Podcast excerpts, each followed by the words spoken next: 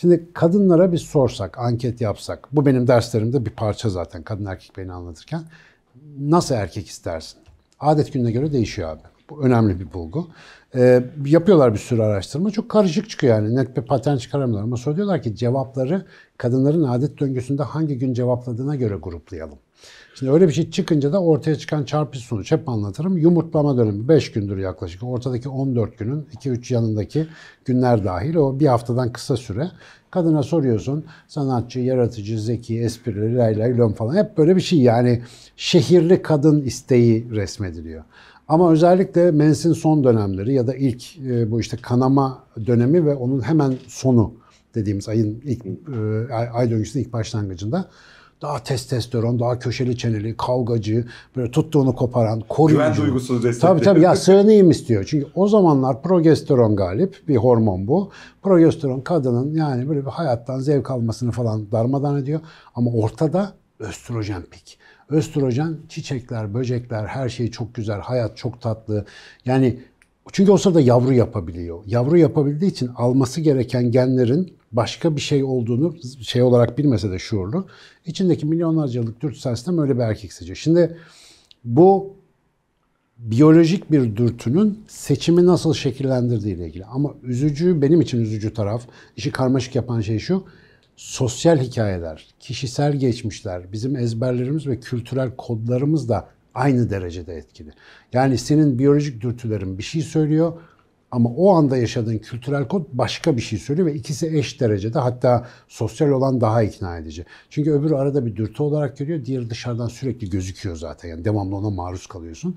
Dolayısıyla bu çoğu zaman mesela modaya uygun biyolojik bir fonksiyonu modaya uygun icra etme çabaları hep hüsranla sonuçlanıyor. Çünkü eninde sonunda baş başa kalınca biyolojik dürtü hakim geliyor. Yani diğer şartları kaldır ortadan. Lan bu da hiç umduğumuz gibi çıkmadı falan filan oluyor. Hani dışarıda çok havalı diye aldık ya da ne bileyim zeki diye güçlü diye beğendik falan ama öyle çıkmıyor. Mesela şu andaki trendde sana ne gözüküyor? Ben mesela çok bilmiyorum. Yani kadınlar şu anda nasıl bir istiyor? Ya mesela 1980'li yıllarda muhtemelen işte Kurban Bayramı'nda koyu kesmeyi bilecek kudrette bir erkek. Malik bir erkekti, becerikli bir erkekti e, bir şeydi. Şimdi mesela çok yüksek performanslı hayvansever bir erkek. Hayvan sevmeyle alakalı hatta mümkünse birazcık bir kısım aktivist bir erkek. Seçki grubunun içerisindeymiş gibi görülüyor kadın Ama bu galiba grubunun. ana akımda.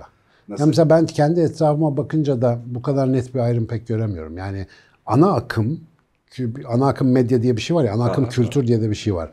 Yazan, çizen, üreten, çok konuşan, görüş oluşturan, televizyon programları çeken, ortalıkta gözüken insanların oluşturduğu bir ana akım kültür var. Bir de alt kültürler var. Yani daha hayatın gerçek içinde, diğerleri tarafından izlenmediği için daha doğal olabilen, kendi seyrinde gelişen bir kültür var. Mesela orada bu çeşitliğin devam ettiğini düşünüyorum ama büyük Elbette, şehirlerde yaşıyorsan, elbette. Ya ama- şurada hakkın var onu söyleyeceğim. Büyük şehirde yaşıyorsan, medyaya bir şekilde sosyal medya üzerinden de olsa bağlıysan bu kültür sende eninde sonunda daha belirleyici oluyor. Yani o istek sende de bir dakika lan ben de evet ben de öyle isterim falan getiriyor. Ama eğer bu hala şanslı insanlardan zaman bu ortamda gevşek bağın varsa o zaman yerel kültürel etki ve gelenek hala belirleyicidir ama o dediğin tehlikeyi belki, ya tehlike derken bu herkesin homojenleşmiş bir şeyi arzu etmesi bence bir tehlike. Homojen yapıyor seni çünkü. Önümüzdeki bir 10 yıl, 20 yıl için ciddi bir problem olarak konuşmak lazım. Çünkü muhtemelen öyle olacak. Yani herkes böyle bir bildirim alınca evet artık böyle erkek istiyorum ve böyle kadın istiyorum falan gibi bir duruma geçebilecek. Şimdi sanki onun işaretleri ama bu kadar yaygın bir değişim var mı ondan emin değilim. Mesela ben hala reyting yapıyorum yani. İlginç bir şekilde. Yani mesela ya beni böyle Ama, ama sen benim gibi tipleri mesela adaptasyonu gayet belirgin ve güçlü olan insanlardan bir tanesin. ben sen, hep sen ona şaşırmışımdır güncel zaten. güncel Tabii. döneme adaptasyonun güçlü ya bir şeyde. Yani şimdi mesela şunun değiştiğine çok eminim. Yine 1980'lere gönderme yapalım. Arabasıyla gelen oğlan fix 3 adım öndeki olan oğlandı. Şimdi kesinlikle e, atıyorum yani iyi bir sosyal organizasyonun içerisinde işte çevre için, hayvanlar için, bilmem ne için falan aktivist olan oğlan 3 adım önde. Ama Yani- bak bunlar ne? E, e, Yine yeni sosyal ortamda becerikli olan. E, elbette Normlara tabii. uyabilen, Tabii tabii. Ama burada konusu. sahip olmaydı hikaye. Burada daha hani bireysel olarak bir şey yapma. Yani mala sahiplik değil de daha yani yaşamsal olarak bir aktivitenin içerisinde olmayla alakalı. Bir de e, şey verisini biliyoruz işte uzun zamandır. Yani Türkiye'nin %90'ı kentte, %52'si metropolde artık. Yani o merkezi ana medya, ana akımların etkisi altındayız hepimiz. Çok çok hani kaçabilir. Allah'tan işte Alev Allah'tan dediği gibi çok okumadığımız için yırtıyoruz yani. Çok derinlemesine girmeyince o bize nüfuz etmiyor. O bir şey diyordu. Ya bu global manipülasyondan falan bizi kurtaracak olan şey e, okumaya karşı mesafemiz diyordu yani. Okumadığımız için belki de yırtacağız bu işten. Ya biraz apokaliptik bir Ya ama. şu oku, okumama, okumama üzerinden ekmek yapılabilecek cümleler vermesen insanlara Hayır ama yani. şöyle. Bu aynı zamanda kopukluğu da getiriyor. Neden kurtulabiliriz diyor. Yeni seni bir yere götürmeye çalıştılar onu ama geleneğine saplanmak demek bu aynı zamanda. Geleneğinde kalmak yani anakronik olmak, zamanın dışında kalmak. O işin başka bir tarafı.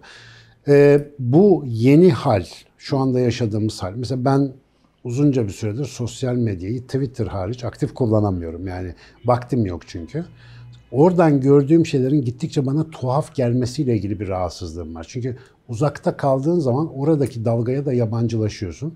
Ve özellikle de belki bu konuya hep mesafeli kalıp da kafamı biyolojiye sokmam bundan kaynaklanıyor olabilir. Muhtemelen şu anda 18-25 yaş bandında olsam bambaşka bir hareket paterni örüntüsü sergilemem gerekebilir. Çünkü benim Ankara Hacettepe'de gösterdiğim performansım bugün burada çok fazla geçmeyeceği. Çünkü seziyorum yani ne farklı çok bilmiyorum. Mesela ben bir, bir hanımefendiyle bir kız arkadaşımla bu yani kız arkadaşım olabilir, romantik bir ilişki olabilir, arkadaş grubu olabilir.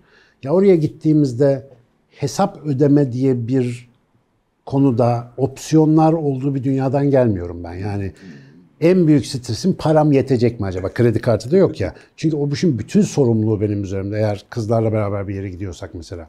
O benim alternatifini görmediğim bir şeydi. Mesela şu anda durum böyle değil gibi gözüküyor. Yani böyle böyle bir zorlayıcı faktör Hatta yok. böyle gibi. davranırsan belli gruplar yine an- ana akımın içerisinde pozitif algılanmıyor. Maço. Yani, maço evet. Gözüküyor, yani hani böyle niye sen şimdi bu burayı domine mi etmeye çalışıyorsun? Yani bizim üzerimize Yanlış baskı zamanda geldik. Vay, çok ucuza gelecekti abi. Evet, çok, evet. Çok tabii para tabii yani hayatımızın önemli bir döneminde yani bizim yaş grubu erkeklerin hepsinde vardır. Yani işte paran o sosyal ortama yetecek mi yetmeyecek mi planları yapmak zorundasın hep. Ee, bu arada bir tehlikeye de dikkat çekerim. Bu özellikle benim birçok öğrencim ve zamanında işte beraber akademik hayata başladığımız insanlar şu anda sosyal psikoloji, evlilik danışmanlığı falan filan gibi işlerle uğraşıyorlar. E tabii bu senin bahsettiğin yeni trendler e, aile kurma ve aile bozma konusunda da yeni parametreleri getiriyor. Yani insanlar artık başka nedenlerle bozuşuyorlar, başka nedenlerle anlaşıyorlar. Mesela onlar içinde bir tanesi şu seçenek bolluğu illüzyonu var ya ona hep bahsediyoruz. Yani çok fazla dışsal seçenek varmış gibi gözüküyor. Elimi sallasam ellese dolayısıyla bunda çöp çıktı ben bunu değiştireyim yerine başka bir şey alayım kafası arka planda çok fazla yaşıyor. Bu bizi yoruyor ve bu gittikçe de zımni yani görünmez hale geliyor. Biz mesela bundan konuşuyoruz. Herkes diyor ki tabii canım saçmalık öyle bir şey gerçekte de yok yani kaç insan tanıyabilirsin ki. Ama beynin o dürtüsel kısmı hala bu konuda çok acemi olduğu için o işte bir anda birkaç milyar insanla bir ortama girebilme illüzyonu sanki hepsine eş düzey ulaşabiliyormuşuz gibi bir şey getiriyor ve gerçek hayatta sabır falan filan kalmıyor. Bu var. Artı bir de bu yeni beklentilerin hepsiyle ilgili benim bir çok sevdiğim bir evlilik danışmanı arkadaşım var. Onun da kendi bu konularla ilgili kişisel hikayesi çok. Kadınlar seçici diyoruz ya. Sosyal olarak değişen yeni trendler kadınların erkek seçimini de etkiliyor. Erkek beğenme, o işte onu nasıl diyelim belli bir sıralamaya sokma kıstaslarını değiştiriyor. Yani önceden alt sıralarda olanlar şimdi üst sıraya geçiyor falan. Ama şöyle de bir durum gözüküyor. Kültür kültür dediğim şeyin en önemli parçası aile ya. Birçok kadın e, sosyoekonomik gelir düzeyi, yaşam yeri falan ne olursa olsun bir erkekle birliktelik kurup onunla beraber uzun vadeli bir yola çıktıktan görece kısa bir süre sonra ailesel kodlarının tekrarını bekliyor çoğunlukla. Yani kocasından mesela babası gibi bir davranış bekliyor ya da daha bildiği bir erkek modeline benzer bir davranış bekliyor.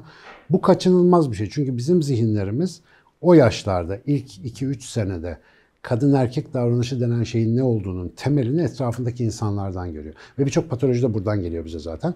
Mesela annesi nasıl davranıyorsa bir kadın öyle davranmalı kodu bir yerde var öyle başlıyorsun. İşte babası nasıl yapıyorduysa ya da dayısı neyse o kod öyle geliyor. Şimdi sen ne kadar çıktın modern hayat trendler okudun ettin mürekkep yaladın falan. İşte her şey çok güzel sanatçı bir şey istiyorum ben falan. Tamam güzel.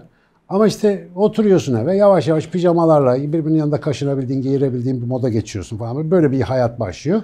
E ondan sonra bu artık dışarıda tiyatral başkalarının izlediği mühendisliği yapılabilir bir hayattan çıkıyor. İçinde bizzat yaşadığın ki daha önce yaşamış olduğun bir şeyle de bildiğin bir normal hayatın. Normal hayatın paternleri otomatikman devreye giriyor. İlk devreye giren de genellikle kişinin kendi örüntüleri. Kendisine dair örnek aldı, kendi cinsiyet rolüne dair örnek aldı. Örüntüler önce çıkıyor.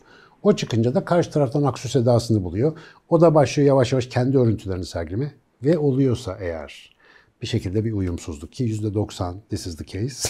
%90 muhakkak farklı kültürlerde yetişiyoruz ve orada arıza çıkmaya başlıyor ve sıklıkla şikayet. Mesela kadınların erkeklerden benim duyduğum ve bu işlerle uğraşan arkadaşların aktardığı en büyük şikayet ben diyor işte ilk tanıştığımızda neysem oyum ama beni artık beğenmiyor diyor. Benden başka bir şey istiyor diyor mesela.